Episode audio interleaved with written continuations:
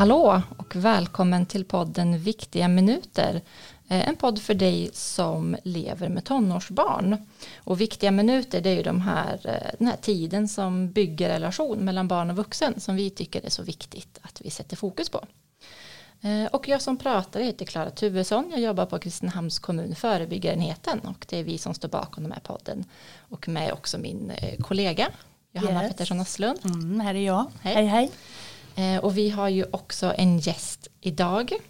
Det är Sara Emsevik. Hej hej. Hej. Hej, tack för att jag får vara med. Ja, vad roligt att du, eller att, inte att du är här, för det är faktiskt vi som är hos dig. Ja. Om man ska vara noga. det är kul att ni är här. Ja. Eh, och du är särskilt sakkunnig i jämställdhetsfrågor och samordnare i föräldraskapsstöd på Länsstyrelsen i Värmland. Mm, det stämmer. Ja, en lång titel. Det är en lång titel. Ja, många viktiga ord där. Um, men idag så är du här för att du också har jobbat mycket med första hjälpen till psykisk hälsa. Mm, det stämmer. Och det var vi nyfikna på och ville gärna att du berättar lite mer om. Så vad är det? Ja, första hjälpen till psykisk hälsa eller mental health first aid som det också heter är en utbildning eh, som egentligen vem som helst kan gå så länge man är över 18 år. Ehm, som gör att man kan stötta barn och ungdomar i ett tidigt skede så att de inte ska behöva utveckla psykisk ohälsa. Mm. Mm. Hur får man tag i ungdomarna eller vart möter man dem så man kan hjälpa dem då? Det kan ju egentligen vara vem som helst. Det kan vara föräldrar som kan gå den här utbildningen. Det kan vara yrkesverksamma. Det kan vara närstående. Eh, vilken vuxen som helst egentligen som är över 18 år som känner att de behöver ha kanske ett verktyg i hur man bemöter och möter ungdomar som man misstänker har en begynnande psykisk ohälsa. Mm. Mm. Eller känner sig oroad för. Ja, och det tänker jag sätter lite, sätter lite fokus på den här frågan kring så här, vem, är det som, ja, vem är det som ska hjälpa, alltså vem ska hjälpa någon annan? Är det liksom, för man tänker ju gärna att, åh oh, men gud, psykisk ohälsa, jag är ju bara en vanlig, jag är bara en vanlig person, det där låter som någonting som elevhälsa eller psykologer mm. eller liksom vården. Mm. Det, det, där låter inte som någonting som jag kan eh, kasta mig in i. Nej och det kan man ju förstå att många känner men alltså psykisk ohälsa drabbas vi ju alla av någon gång. Mm. Vi alla mår ju under perioder i livet kortare eller längre eh, sämre psykiskt. Och eh, det gäller ju att man lär sig hur man ska hantera det. Och det hjälper ju människor som man har runt omkring sig till med. Alltså mm. närstående. Som egentligen är ju de viktigaste man har i livet. Mm. Föräldrar, andra närstående. De som finns i ett nätverk mm. som man har runt omkring sig. De är ju jätteviktiga. Och det handlar ju om att uppmärksamma, se tecken, tidiga tecken. Vad är det för tecken som man ser tidigt? Det kan ju vara att en person drar sig undan. Um, ungdomen kanske förändrar sitt beteende. Uh, har är tystare än vanligt eller mer ledsen eller mer arg. Mm. Ehm, det kan ju också handla om att eh, söka uppmärksamhet också på andra sätt. Kanske ha en begynnelse att skada sig själv. Mm. Vara lite destruktiv. Mm. Dricka alkohol eller ja, på annat sätt skada sig själv. Som inte, alltså, som inte är bra. Som leder till att man mår sämre. Men jag tänker det här som du säger, en del av de här signalerna mm sammanfaller ju också med tonåren ja, på ett naturligt så. sätt. Att man mm. kanske drar sig undan mer från de närstående och så. Mm. Men eh, finns det någon grad eller finns det någon parameter sådär som man kan? Jag tror att det där är ju så oerhört individuellt beroende på vilket barn eller ungdom som man möter. Mm. Och det är ju viktigt att man har en god relation med mm. barnet och ungdomen ifrån början så att man kan läsa av de här signalerna. Ehm, det kan ju vara en lärare i skolan som har en jättegod relation till ett barn. Mm. Som också ser att det, det, är något som inte riktigt stämmer. Utan att man kanske egentligen riktigt kan sätta fingret på vad det är. Den här berömda magkänslan ja, kanske. Ja, det kan det vara. Och att det man pratar om då i första hjälpen till psykisk hälsa är ju hur tar man kontakt. Mm. Alltså, man bedömer, kanske först gör man en bedömning av um, är det här en krissituation? Mm. För då kanske man måste agera akut. Eh, men har man bedömt situationen och ser att det är ingen krissituation utan att man, man upplever att barnet inte mår så bra. Mm. Då då kan, försöker man ta en kontakt och hur tar jag kontakten bäst? Ja. Hur är det bäst lämpat i den här, för det här barnet? Um, sen kan det också vara, är jag den som är mest lämpad att ta den här kontakten? Eller finns det någon som står det här barnet nära? Mm. Det kan också vara en bedömning att göra. Så man kan ringa till någon annan person som dens föräldrar kanske eller Ja. elevhälsa eller Ja. mentor eller någon annan. ja. Eller rådfråga någon. Alltså hur, hur ska jag göra? Mm. Men att man agerar på något sätt. Mm. För det är ju att agera på de tidiga signalerna som gör att den psykiska ohälsan kanske inte behöver utvecklas. Mm. Utan att man sätter stopp för det i tid. Ja, men hur gör man när man tar kontakt då? Finns det några olika tips? Jag förstår att det är individuellt och så, men finns det några? Man kan ju ta kontakt på en mängd olika sätt. Mm. Det kan vara att eh, om det till exempel är en, en skolpersonal att be barnet stanna kvar. Mm. Eh, byta några ord eller hitta ett tillfälle där man har barnet i sin närhet på ett naturligt sätt. Mm. Och försöka inleda ett samtal om. Viktigt att använda jag-budskap tänker jag. Mm. Man eh, lägger det hos sig själv att jag känner mig bekymrad för dig. Mm. Eh, Jag har uppmärksammat det här och det här. Eh, Jag undrar hur du mår. Finns det någonting jag kan göra för dig? Eller är det, alltså, finns det någon annan som du känner att du vill prata med? Förmedla kontakt med någon som barnet har förtroende för. Men man kan säga så, jag är orolig för dig. Ja, Mm. absolut. För ibland så vet jag att man har pratat om, om liksom så som i vuxenvärlden att ska man liksom petar man på man ska inte väcka en björn som sover.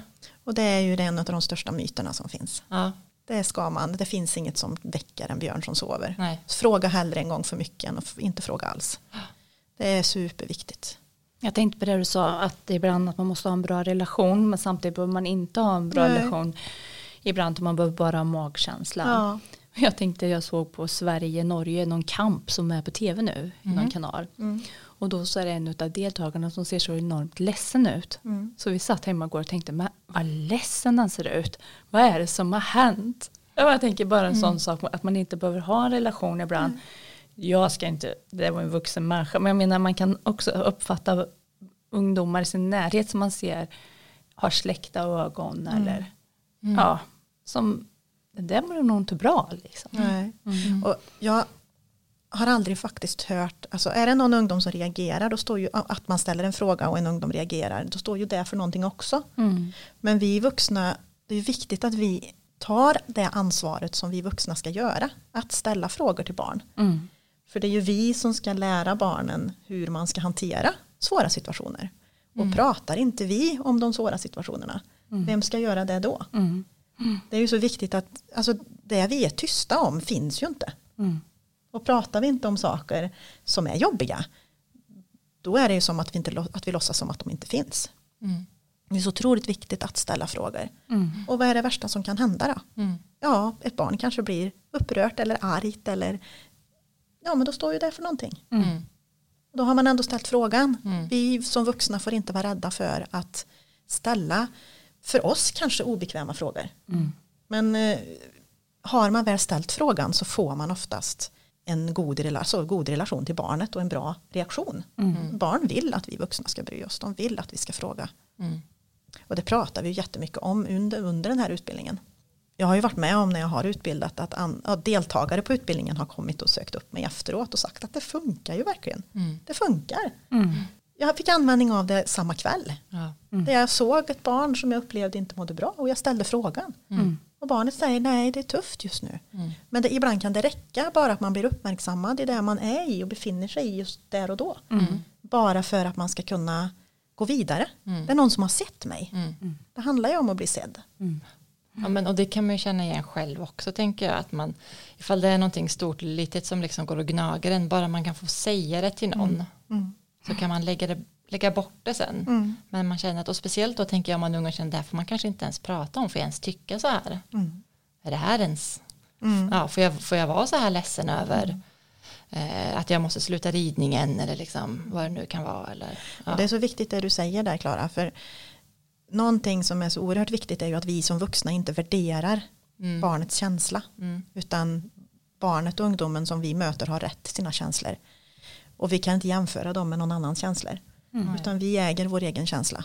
Mm. Och, och det, det, är vår fulla rättighet. Mm. Och vi ska inte lägga någon värdering i det utan vi ska försöka att vara alltså, fördomsfria. Mm. Det, det, kan vi kanske inte vara. Men vi ska, inte, vi ska ju inte lägga vår värdering i vad barnet känner och tycker. Ja. Och jag, men jag tänker också på det här som, som vi pratade om tecken.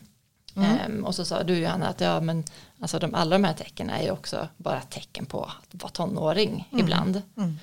Men så tänker jag också som du sa så här, att ja, men det, då gör det väl ingenting om man, om man går och funderar på och undrar om det här är en extra oro eller om det bara är hormoner. Mm. Mm. Var, ja, som ni säger, vad förlorar man på att fråga? Mm, ingenting. Det kan snarare öka relationen mm. mellan den vuxna och barnet. Mm. Mm. Men också att eh, första gången man frågar kanske man inte får svar heller. Mm. Sen innebär ju inte det att man ska bli tjatig. Det handlar det också om att få en fingertoppskänsla i. Men att man ändå får ställa frågan. Att jag känner mig oroad för dig.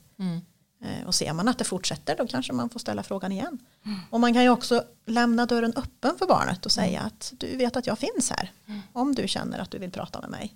Men är det bra också att lägga den, nu är jag inne på detaljnivå, men jag bara tänker det är bra att lägga den kroken först, liksom att säga så, du ser, eller jag är orolig för dig, eller jag tycker att du, jag upplever att du har blivit mer ledsen sen förra året. Liksom, är det bra att lägga den först, och, och, och eller kan man också bara säga hur är det? Det, blir, det hör ju själv, det mm. låter ju väldigt Jag tror att platt. det är viktigt att man utgår ifrån vad man själv ser. Ja.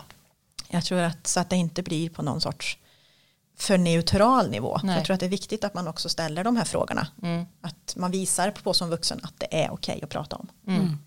Och det, det, är inte bara, jag frågade inte bara allmänt hur någon mår utan det här handlar om att jag ser mm. någonting. Ja, mm. att man har en oro för och att man uttrycker den. Mm. Och då är det bättre att säga jag upplever mm. att du mm. istället för att du verkar må dåligt. Mm. Då lägger man det mycket hos den man möter. Ja. Säger man då att utgår man från sin egen upplevelse mm. så kan ju då kan ju barnet eller ungdomen säga att nej men det stämmer inte. Mm. Nej men det var som jag upplevde det. Mm. Och du vet att jag finns här om du känner att du behöver prata med någon. Eller behöver få hjälp att prata med någon annan. Det låter ju så toppen och enkelt. Vad, vad är det som gör det så svårt att många ungdomar upplever att det, det var ingen som frågade mig. Det är ingen, jag har fått gått mitt liv. Det är aldrig någon som har frågat. Vad, vad är det som gör att vi vuxna inte vågar göra det här? Ja, det finns det säkert många svar på. Men jag tror ju att många gånger handlar det om att vi kanske inte själva riktigt är, eh, vad ska man säga, men säkra på våra egna känslor. Mm. Att vi kanske själva inte riktigt vet vad vi känner i alla lägen. Mm man kanske själv inte, man är inte van. Ibland behöver man öva på att mm. prata om jobbiga saker. Mm. Ställ dig framför spegeln då. Alltså, öva. Mm. Ställ frågor. Mm. Eh, ställ dem till dig själv i spegelbilden. Eller, mm. För jag tror det är viktigt att öva. Och tycker man att det är jobbigt, ja men säg det då. Jag tycker att det här är lite jobbigt att prata om. Men det känns viktigt för mig att vi gör det. det, det vet vi ju. Och det kan ju handla om inte bara om, om ett barn mår dåligt, det kan handla om sexualitet, det kan mm. handla om alltså, mm. mycket sådana här saker som vi vuxna kanske inte alltid mm. vågar prata om. på mm. något vis. För vi vet inte riktigt hur. Mm. Och då blir vi obekväma och lite stela kanske. Och, mm. ja. Man kanske också är rädd för svaren man kan få. Så kan det vara. Vad helskotta ska jag göra nu om det här ungdomen bara bryter ihop och berättar om något riktigt övergrepp eller mm. hemsk livssituation mm. eller mm. jättejobbiga tankar som, mm. ja, som är mig helt övermäktigt. Vad gör jag utav svaren? Liksom? Hur ska man hantera de svåra svaren? Och det är en jätteviktig fråga. Och det är på den här utbildningen när man går den, det är två heldagar. Vi har lagt det på heldagar. Man kan dela upp den i kortare avsnitt också. Då kartlägger vi. Vad finns det för hjälp och stöd att få? Mm. I, säg att man då skulle vara i Kristinehamns kommun mm. Eh, och utbilda. Vad, vilket stöd finns det här? Mm. Den som går den här kursen ska veta. Mm. Vart vänder jag mig? Mm. För som första hjälpare till psykisk hälsa så räcker vi ju till till en viss grad. Mm. Men vi är ju inte professionella. Alltså, Vem som helst kan bli första hjälpare till psykisk hälsa. Men det innebär ju också att vårt ansvar slutar ju någonstans. Vi kan inte ta ansvar för en ungdom som vi märker att den här mår så dåligt så att den behöver ha hjälp. Mm. Men då är vi också skyldiga att se till att den hjälpen ges. Mm. Om nu barnet eller ungdomen vill ha den. Mm. Och vill den inte det, då kanske vi får hitta andra vägar. Mm. Kontakta föräldrar om man inte själv är förälder eller någon annan närstående. Eller mm. be att få återkomma till barnet och följa upp. Eller, mm. ja. Kan det vara så att ungdomar, har du varit med om det att eh, någon första hjälpen, hjälpare har hjälpt och de har fått reda på en, en tuff sanning fast ungdomarna har vägrat att de ska få berätta den vidare. Att man, ja jag berättar det här för dig men det stannar i förtroende. Mm. Det här pratar vi också om. Mm. Eh, och det säger ju vi som utbildar att man får aldrig lova en ungdom att aldrig berätta det för någon. Mm. För det kan inte vi hålla. Nej. För skulle det framkomma då till exempel att barnet har varit utsatt för ett övergrepp eller att den kanske har självskadebeteende. Mm. Då måste ju vi, då är vi som vuxna skyldiga att hjälpa barnet. Mm. Och då kanske det innebär att barnet blir arg eller tappar förtroende. Mm. Men det är ju inte det som själva grejen går ut på om jag ska ha ett förtroende med ett barn. Mm. Utan det handlar ju om att barnet ska få det stöd som barnet behöver. Mm. Och då kanske det innebär att förtroendet till mig eh, alltså försvinner. Mm. Men då får det vara så. För det är ju inte jag som ska vara fokus, det är barnets bästa som hägrar. Jag tänker också att en anledning till att det är så svårt för vuxna att fråga, jag tänker speciellt om det inte är ens eget barn det rör sig om, att det, vi vuxna är ju lite rädda för att ibland trampa andra vuxna på tårna. Mm. Så här, är jag inne nu i någon annans? Mm. Eh, där någon annan har ansvar eller makt mm. eh, och tassar. Är det, liksom, kan jag lägga mig i min grannes skilsmässa? Det jag tycker att tonåringarna verkar må jädrigt dåligt av det här. Mm. Är det verkligen min plats? Mm. Eller ska jag lägga mig i nu min bästa vän att hennes barn ser ut att ha en eh, eh begynnande ätstörning? Är det verkligen min? Liksom så. Mm. Hur kan man tänka kring det? Ja, och det är klart att det kan vara jättesvårt. Eh, jag har ju blivit uppringd av föräldrar som har stått i sådana situationer. Mm. Där de känner hur ska jag gå tillväga nu? Mm. Och en enkel fråga som jag brukar ställa då är ju men hur hade du själv velat att någon gjorde? Mm. Om det var du som kanske låg i skilsmässa och någon av dina vänner upptäcker att dina barn mår dåligt. Vad skulle du vilja? Alltså vad skulle kännas bra för dig? Mm. Sen kan man ju om man känner att det känns obehagligt att då kanske man kan ta kontakt med elevhälsan eller socialtjänsten för ett råd och stöd. Det kan man ju alltid göra eh, anonymt. Man mm. behöver ju inte säga vem man är. Mm. Utan man kan ringa och fråga, du den här situationen står jag inför. Mm. Hur ska jag hantera den? Mm. Eller vem ska jag prata med? Eller hur ska jag, ja, vad ska jag göra? Mm. För det finns ju mycket hjälp och stöd att få. Mm. Sen tror jag att man som vuxen, om man väl har ställt frågan eller kanske tagit kontakten med den, kanske då föräldern som har en svår situation om man ser att barnet i familjen mår dåligt så tror jag att det är inte så svårt att prata om bara man inte lägger någon värdering i det.